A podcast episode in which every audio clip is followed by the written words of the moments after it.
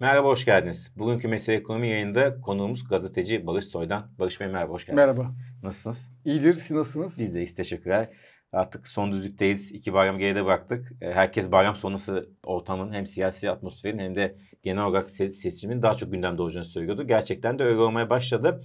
Şimdi hem seçim öncesi hem seçim sonrası çok konuşuluyor. Biz istiyorsanız seçimin sonrasıya başlayalım. Evet. Öncesindeki bir durumlar biraz daha ne diyeyim bu mevcut koşullar herhalde devam edecek değil mi? Çok evet. şey. Yani seçim öncesinde seçim sonrasının belirsizliği var şu anda. O da belirli. Yani seçime kadar bir belirsizlik yaşayacağımız belirli. Evet. Onu görebiliyoruz ama seçim sonrası gerçekten büyük bir belirsizlik. Evet 14 Mayıs'ta sonrası gerçekten çok belirsiz. Çok farklı senaryolar var. İşte ikinci tura kalıp kalmayacak, geçiş süreci nasıl olacağı, kimin kazanacağı, parlamento ve meclisin nasıl bir denklemde e, oturacağı. Bunların hepsini düşündüğünüzde siz ne bekliyorsunuz 14 Mayıs sonrası için? Nasıl bir e, 15 Mayıs sabahı gerçekten tamam geride bıraktık ve yeni bir başlangıç yok mu devam edeceğiz yoksa nasıl bir Türkiye olacak? Şimdi bir kere e, ben e, yani Türkiye'de seçim sonrasında eğer bir değişim gerçekleşirse yani şu an anketlerin gösterdiği gibi Kemal Kılıçdaroğlu kazanacak ise e, değişimin bir e, çok öyle pürüzsüz gerçekleşeceği düşüncesinde değilim. Sonuçta aslında rejime karakteristiğini veren bir lider var Türkiye'de ve bu yani başka ülkelerde gördüğümüz türden bir başkanlık rejimi değil. İşte Brezilya'da bile işte geçen sene e, biliyoruz Lula döndü ve e, orada bile aslında e, biraz hani sıkıntılı bir e, geçiş süreciydi. Şimdi Türkiye'de e, sıkıntılı olacağını düşünüyorum. Yani pürüzlü bir süreç olacak. Çünkü dediğim gibi hani yarı başkanlık başkanı Fransa'daki, Amerika'daki ya da hatta Brezilya'daki gibi bir başkanlık sistemi değil. Bizde daha hani otoriter bir liderin yönetimindeyiz. E, daha Asya tipi bir yönetim e, var şu an Türkiye'de 2018'den bu yana aslında yani başkanlık sistemine geçtiğimizden e, bu yana ve eğer bir dönüşüm gerçekleşecekse bu sürecin yani kimilerinin düşündüğü, sandığı gibi çok pürüzsüz bir şekilde yaşanacağına ben çok açıkçası kani değilim. Yani pürüzlü bir süreç olacak.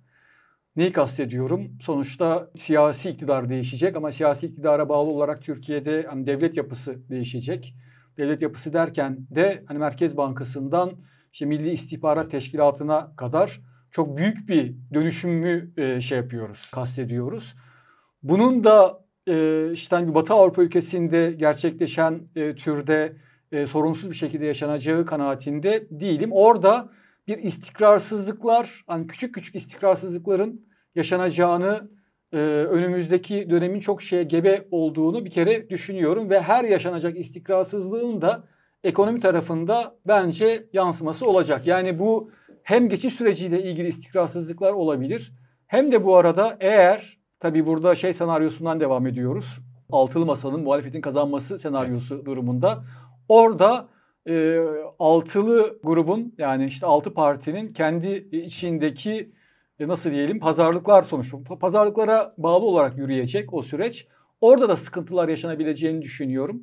Diğer yandan bu dönüşümün geçiş sürecinin de sıkıntılı olacağını düşünüyorum ve bütün o sıkıntıların e, piyasalara volatilite e, getirebileceğini, yani bütün finansal varlıklara, Türkiye ekonomisine volatilite evet. Getirebileceğini düşünüyorum. Evet. Bu tabii şey senaryosu. Yani Türkiye'de iktidarı, siyasi iktidarın değişeceği varsayımı. Diğer varsayım her ne kadar şu an anketlerde birinci turda Kılıçdaroğlu'nun gerisinde çoğu ankette e, geri, gerisinde kalıyor gibi gözüküyor olsa da ikinci tura kalması durumunda ne olacağını bilmiyoruz ve yani hani bir yeniden Erdoğan'ın görevini sürdürmesi durumunda o tabii ki daha farklı bir durum. Daha farklı durum. Tabii orada meclis dengesi de nasıl Tabii orada meclis dengesi de çok önemli. Ama sonuçta şu var. Herhalde sizin bu söylediğiniz belirsizlikler e, ve küçük küçük krizler dediğiniz yayın boyutu veya süresine sandıktan neyin çıkacağı da verecek. Yani seçim ilk turda bitmesi veya net bir şekilde Kemal Kılıçdaroğlu'nun kazanması, meclisteki çoğunlukla veya meclisteki aritmetikle işte başkanlık kazanan, cumhurbaşkanı kazanan ismin aynı ittifakta olup olmayacağı bu krizin süresini ve derinliğini de belirleyecek değil mi? Yani sonuçta işte çok küçük bir farka kazanması Kılıçdaroğlu'nun veya seçim ikinci tura kalması buradaki tüm belirsizlikleri ve riski arttıracaktır herhalde. Tabii ki. Ya şimdi şöyle düşün, düşünelim ya e, hani haber akışı bütün aslında ekonomi için çok önemli. Yani uzun zamandır önemli. Aslında son dönemde Türkiye'de her şey e, şeye bağlandığı için otomatik pilot, pilotta gittiği için çok fazla siyasete bağlı e, hareket ekonomi tarafında pek görmüyoruz bir süredir. Ama aslında işin normali bu. Türkiye için de geçmişte böyleydi zaten. 2001 krizi nasıl çıktığını hatırlayalım.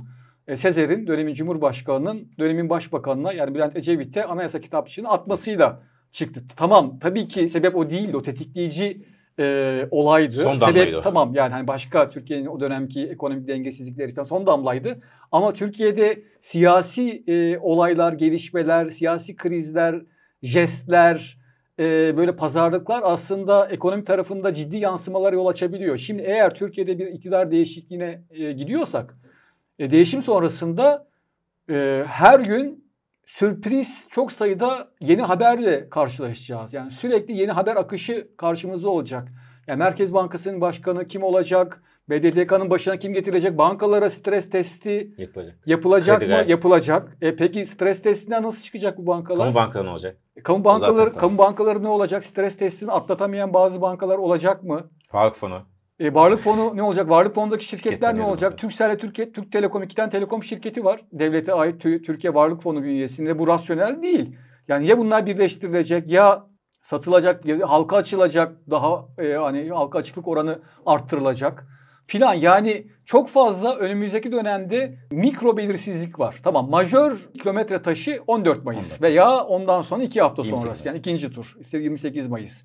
O büyük olay ama o büyük olaydan sonra her şey bir anda değişmeyecek. Yani ondan sonra da çok fazla ben krize gebe mikro kilometre taşlarının, dönüm noktalarının önümüze çıkacağını düşünüyorum. Ve onların hepsi bence piyasaları etkileyecek. Peki piyasa derken dövizi konuşalım. En çok merak eden o. Evet. Zaten piyasanın nabzı da en çok oradan tutabiliyoruz.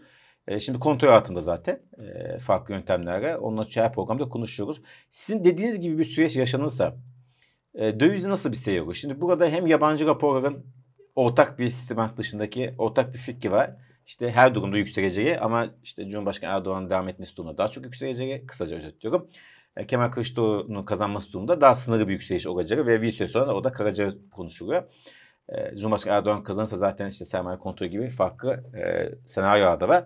E, bir de işte olması gereken değer de çok konuşuluyor dövizin. Baskı altında olduğu için şu anda. Siz bunların hepsini değerlendirdiğinizde ne görüyorsunuz? Yani bu sarsıntılı veya belirsiz seçim sonrasındaki belirsiz dönemi döviz nasıl geçirir? Şimdi bir kere Recep Tayyip Erdoğan'ın devam etmesi durumunda ve meclis çoğunluğunun da işte Cumhur İttifakı'nda kalması durumunda o zaman e, ben de Türkiye'nin yavaş yavaş daha katı sermaye kontrollerine doğru kayacağını ve yavaş yavaş dışarıya e, kapan daha daha fazla kapanacağını düşünüyorum. O başka bir şey, başka bir senaryo. Onu ayrıca uzun uzun konuşmak e, tabii ki gerekir. Belki de konuşuruz. Umarım veya Evet. konuşmayız diyelim. Umarım öyle olmaz. Tabii orada şu olasılık da var. Recep Tayyip Erdoğan yeniden kazanır ama e, bundan bir yaklaşık iki hafta önce ima ettiği gibi ekonomi yönetimi Tabii. değişir ve Me- Mehmet Şimşek ya da işte benzeri belki Lütfi Elvan hatta gibi daha tırnak içinde ortodoks ekonomi politikalarına e, yakın bir e, kişi e, ekonominin dümenine geçer.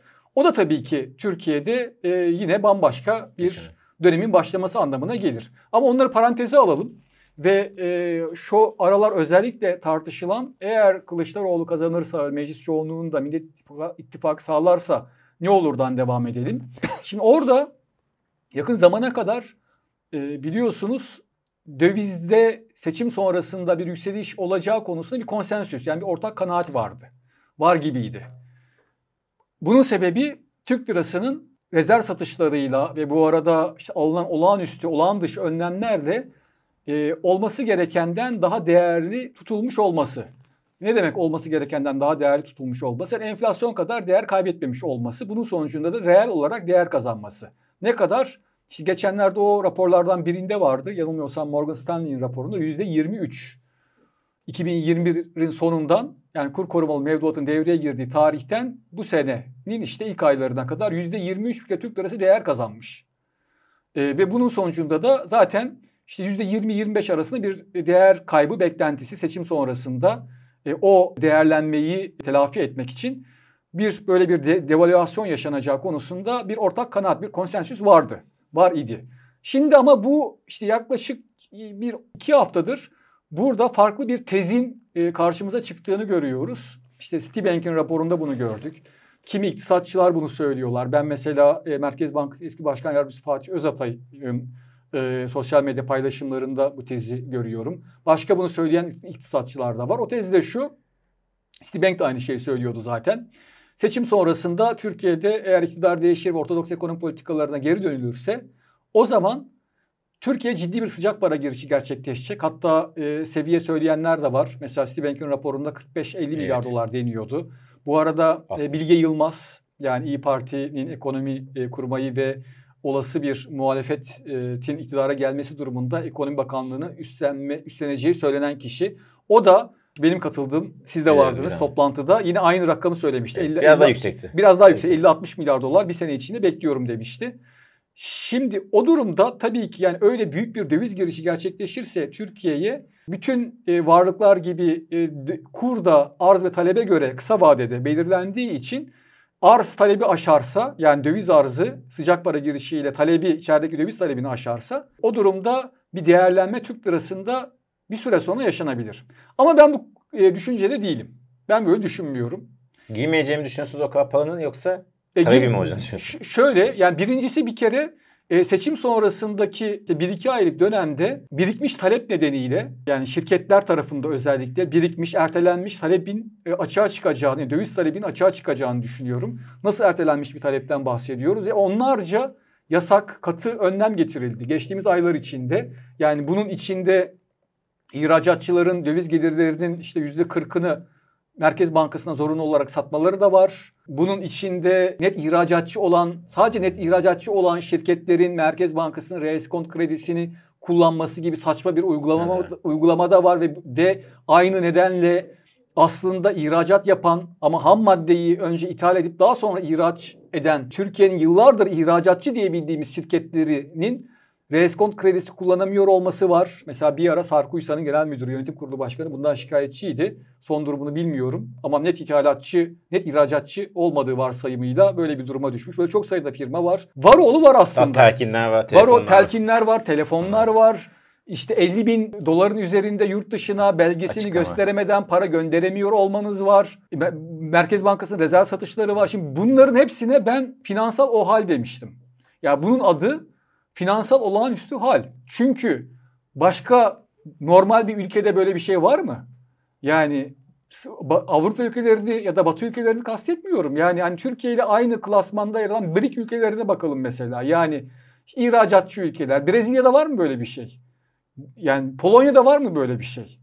E şimdi Polonya'da olmayan şey niye Türkiye'de var? Yani 3 aşağı 5 yukarı aynı e, şeyde değerlendiriliyoruz. Hani grupta değerlendiriliyoruz. Yani uluslararası raporlarda ya işte gelişen Avrupa denilince o kategoride Türkiye, Polonya, Çek Cumhuriyeti, Macaristan var.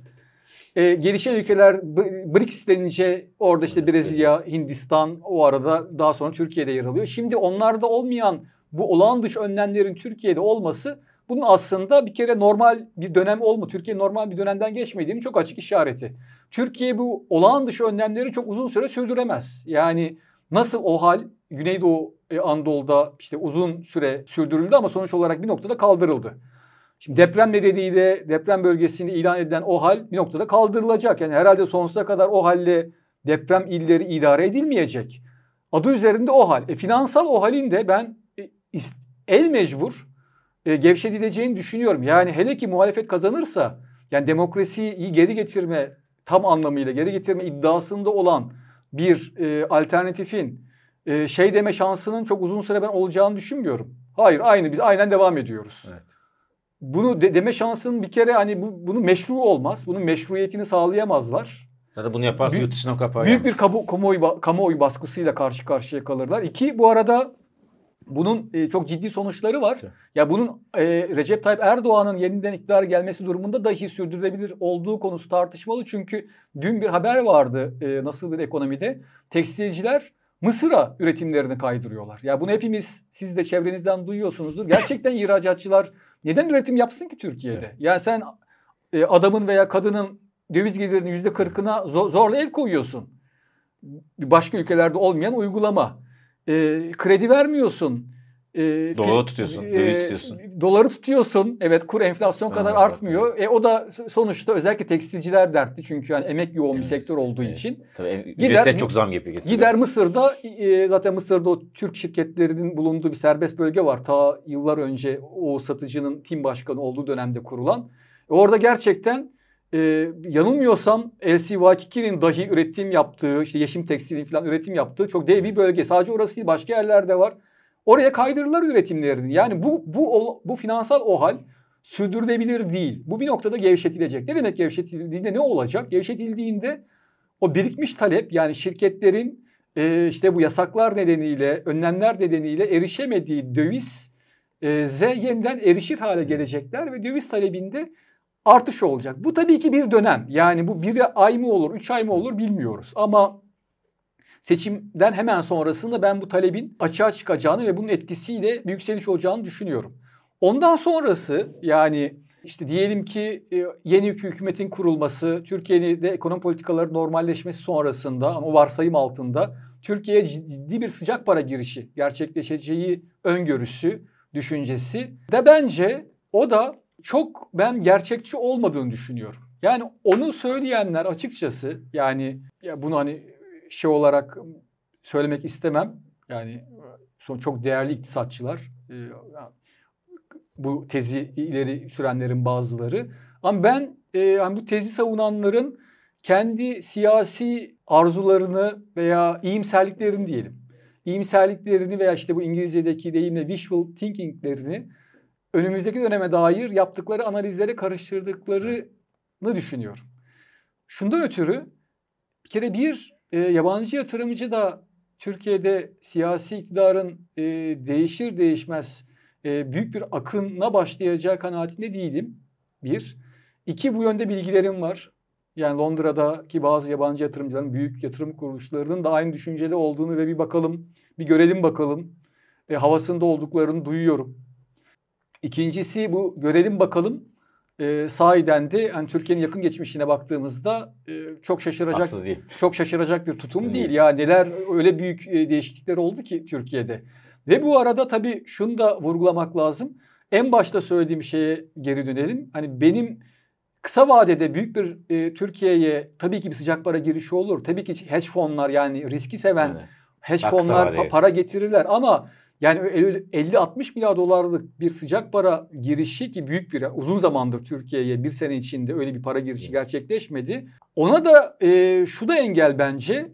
E, ben en başta hani varsayım olarak siyasi tarafta şeyi koyduğum için ben bu sürecin pürüzsüz gerçekleşmeyeceğini işte bir Almanya'da bir Fransa'da Fransa daha doğru örnek hani yarı başkanlıkla yönetildiği için ya da hatta Brezilya'da olduğu gibi yani öyle hani bir, bir iki günlük en fazla bir e, istikrarsızlıkla atlatılacak bir süreç olmayacağını, e, çok fazla önümüzde mikro krizlerin e, bizi beklediğini düşündüğüm için bütün o e, mikro krizlerin hepsi yabancı yatırımcı tarafında ve bu arada bizim yerli tasarruf sahibimiz tarafında bir bakalım, bir görelim, dur bakalım ne olacak. Hani Türkiye'de bakalım hani bu işler hani bir, bir otursun da rayına Ondan sonra şeyimizi yaparız. Yani daha pozisyonumuzu alırız. Evet, pozisyonumuzu alırız şeklinde bir değerlendirmeye e, yol açacağını düşünüyorum. Benim bakışım böyle doğrusu. Bu kadar tabii yaz ayına denk gelmesi seçim sonrası bir avantaj aslında. Ne olursa olsun Türkiye'nin hem car, açık verme cari döviz açığından giriş, döviz giriş evet. olacak. Orada biraz bir kısım biraz rahatlatabilir. Kışa göre çok daha şey. Evet. Ama tabii dediğiniz gibi önemli olan süreci nasıl geçeceği. Bu da çok belirleyici. E, buradan şunu sormak istiyorum size. Yani siz o zaman dövizin yükseleceğini düşünüyorsunuz seçim sonrasında. Yani oranını bilmek e, tabii, tabii, ki tabii, mümkün, mümkün değil. değil. Çünkü yaşanacak bilmiyoruz. Evet yani tabii şunu da yalnız söylemekte fayda var. Eğer Recep Tayyip Erdoğan e, tekrar e, kazanırsa ve ekonomi politikalarında da hiçbir değişikliğe gitmezse bu bambaşka bir. E, o zaman bir sene sonra da yerel seçim olduğunu düşünecek olursak ve işte yakın dönemde yaptığı açıklamaları da dikkate alırsak geçen hafta dedi ki faiz de düşecek, evet. enflasyon da düşecek dedi. Ben oradan şunu çıkardım.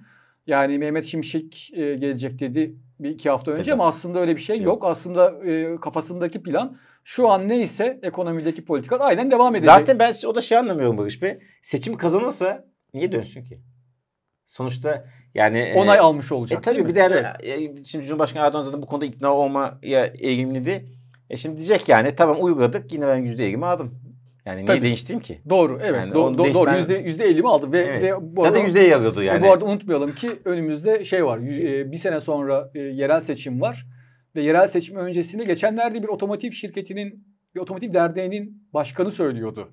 Yanılmıyorsam Otomotiv Sanayicileri Derneği'nin başkanı e, o daha gerçekçi aslında. E, biraz önce e, atıfta bulunduğum iktisatçılardan şey diyordu görüşünde. Bir sene sonra yerel seçim var. Yerel seçime kadar e, şeyin e, enflasyonunda bir düşüş beklemiyoruz ve ona bağlı olarak da kur artışlarının ve kur artışlarına bağlı olarak da otomotiv e, fiyatlarında e, artış evet. bekliyorum. Ve yatırım amaçlı e, otomobil otomobil talebinin de yine süreceğini öngörüyordu aynı gerekçeyle. Yani Tabii. enflasyonun yüksek kalacağı ve enflasyon ortamında Türkiye'de mala hücum e, olayı yaşandığı için e, otomobil satışlarının yüksek seyrede, se, yüksek seyredeceğini düşünüyordu ki ben de aynı kanaatteyim. Kurdaki makasın açılmasının sebebi, kapalı çarşıda gördüğümüz tablonun sebebi de tam sizin bu bahsettiğiniz belirsizlikler ve seçim sonrasında dövizin e, nasıl olacağını öngörememek mi? Sonuçta e, çok az bir süre kaldı. İşte Merkez Bankası veya iktidar bu süreci en azından kendi istediği gibi 20'ye ulaşmadan belli bir şekilde kontrol altında tutuyor dövizi.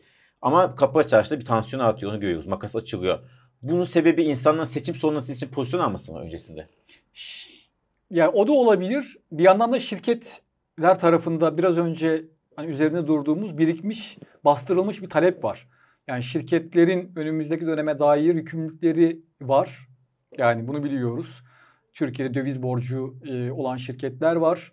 İthalat yapan şirketler var daha önemlisi. Yani Türkiye'de ihracatın ithalata bağımlı olduğunu e, biliyoruz. Ara madde ya da ham madde fiyatlarında artış öngörüyordur. Ama e, Merkez Bankası'nın baskısı nedeniyle döviz alamıyordur. E ama bu zarar edeceği anlamına gelir. Yani eğer kendi yap, yaptığı üretim alanında e, ara girdi fiyatında yükseliş öngörüyorsa ve şimdiden e, almak için girişimde bulunduğunda bunun önü kesiliyorsa Merkez Bankası tarafından şu veya bu şekilde o zaman onun talebinin kapalı çarşıya yani efektif dövize e, kaydığını öngörebiliriz. Bir, bir öyle bir talep var bence şirketlerden kaynaklanan. Diğer yanda bireyler de tabii ki e, seçim sonrasında işte bir dövizde yükseliş beklentisiyle, yükseliş yaşanacağı beklentisiyle yöneliyorlar. Bunu yani farklı ya bu hem bu bireyler derken tabii ki tasarruf sahiplerini kastediyorum. Hem bu arada yani hani yatırımcıyı da kastediyorum. Yani bireysel yatırımcı bunun içinde büyük yatırımcılar da var. Yani borsada işte işlem hacmi çok azaldı. Yani neredeyse üçte birine indi. E, Aralık ayındaki zirvesinden bugüne. E, borsa tarafında mesela büyük yatırımcıların, büyük oyuncuların önemli bir kısmının nakde geçtiğini biliyoruz. Peki nakde geçti derken herhalde Türk lirasını bek- beklemiyor. Yani hani çok yani na- naif bir beklenti olur. Nakde geçti derken herhalde benim anladığım kadarıyla zaten duyduğumuz da o şekilde. dövize geçti, euroya geçti. Ee, belki hani Amerikan devlet tahvili aldı vesaire. Peki Barış Bey şimdi bu tabii senaryolar çok fazla olduğu için bitmiyor. Tabii. Ama bir vlogda kesmemiz lazım. O yüzden son olarak şunu sormak istiyorum. Bu ikinci tura kalırsa bu aradaki dönem 15 günlük esası 10 iş günü var e, piyasa açısından. Orada çok ciddi hareketler bekler misiniz? Çünkü şimdi gerçekten şu an pozisyon almak çok zor. Küçük tasarruf sahibinden tutun işte ihracat, ithalat yapan bir şirkete veya büyük işte montanlı tasarruf sahiplerine kadar herkes bir şey derdinde. Ne nasıl pozisyon alalım şimdi döviz kuruna makas da geniş. E, borsada zaten kimse girmiyor. Her şey herkes bir, ne yapacağını bilmez ayda böyle etrafta bakınıyor. Altın talebi yükseliyor o yüzden. E, ama faz edelim ilk turda bitmedi. ikinci tura kaldı ve 10 gün işlem günü. İşte orada e, bazılarının beklediği gibi çok ciddi hareketler bekler misiniz döviz kurlarında? Ya bence o da iki aday arasındaki dört aday var ama iki aday arasındaki oy farkına bağlı olacak. Yani eğer e, çok küçük bir fark varsa bazı anketlerde olduğu gibi yani diyelim ki bir puanlık bir e, farkla karşı karşıya kaldık. Bunu pekala çok sayıda e, Türkiye'de kişi Erdoğan'ın da aslında kazanmaya çok yakın olduğu şeklinde yorumlayabilir. Ve tabii ki Merkez Bankası ve ekonomi yönetimi de öyle yorumlar. Bürokratlar da öyle yorumlar ve şu anki politika aynen devam eder. Yani Merkez Bankası kasasında işte en son e, 10 milyar doların üzerinde hala net harcanabilir evet. rezerv var. Gerekirse 120 milyar dolar civarında brüt rezerv var. E, ve yani bir sürü alabileceği başka önlemler evet. var. Yani şirketler şirketler tarafından bir sürü önlem getirdi ama daha bireyler tarafından önlem get- yeterince önlem getirmedi. Ee, yeni önlemler görebiliriz. Dolayısıyla bir kere oy farkı çok önemli. Eğer az olursa ben bir şey olacağını düşünmüyorum. Çok olursa yani büyük bir farkla karşı karşıya kaldık. 49'da kaldı mesela. 40, yani hani 49'da kaldı ve 43 mesela. Erdoğan da hani 42 43'te evet. kaldı ve bu bize Kılıçdaroğlu'nun seçime seçim e, zaferine çok yakın olduğunu ima ediyor. Yani orada da Ya o tabii ki bir e, volatiliteye daha çünkü daha yakın bir e, şey e, olasılık.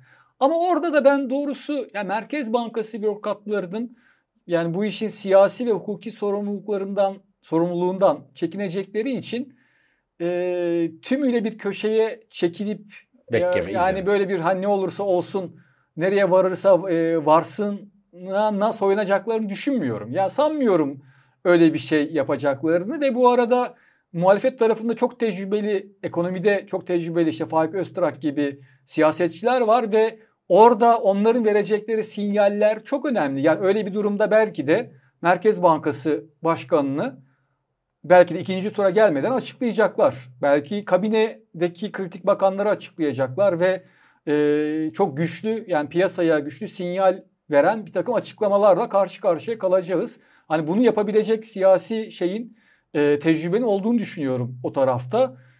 Yani ben o iki haftalık e, dönemde e, çok beklendiği gibi çok büyük bir alt üst oluşla karşı karşıya kalacağımızı düşünmüyorum.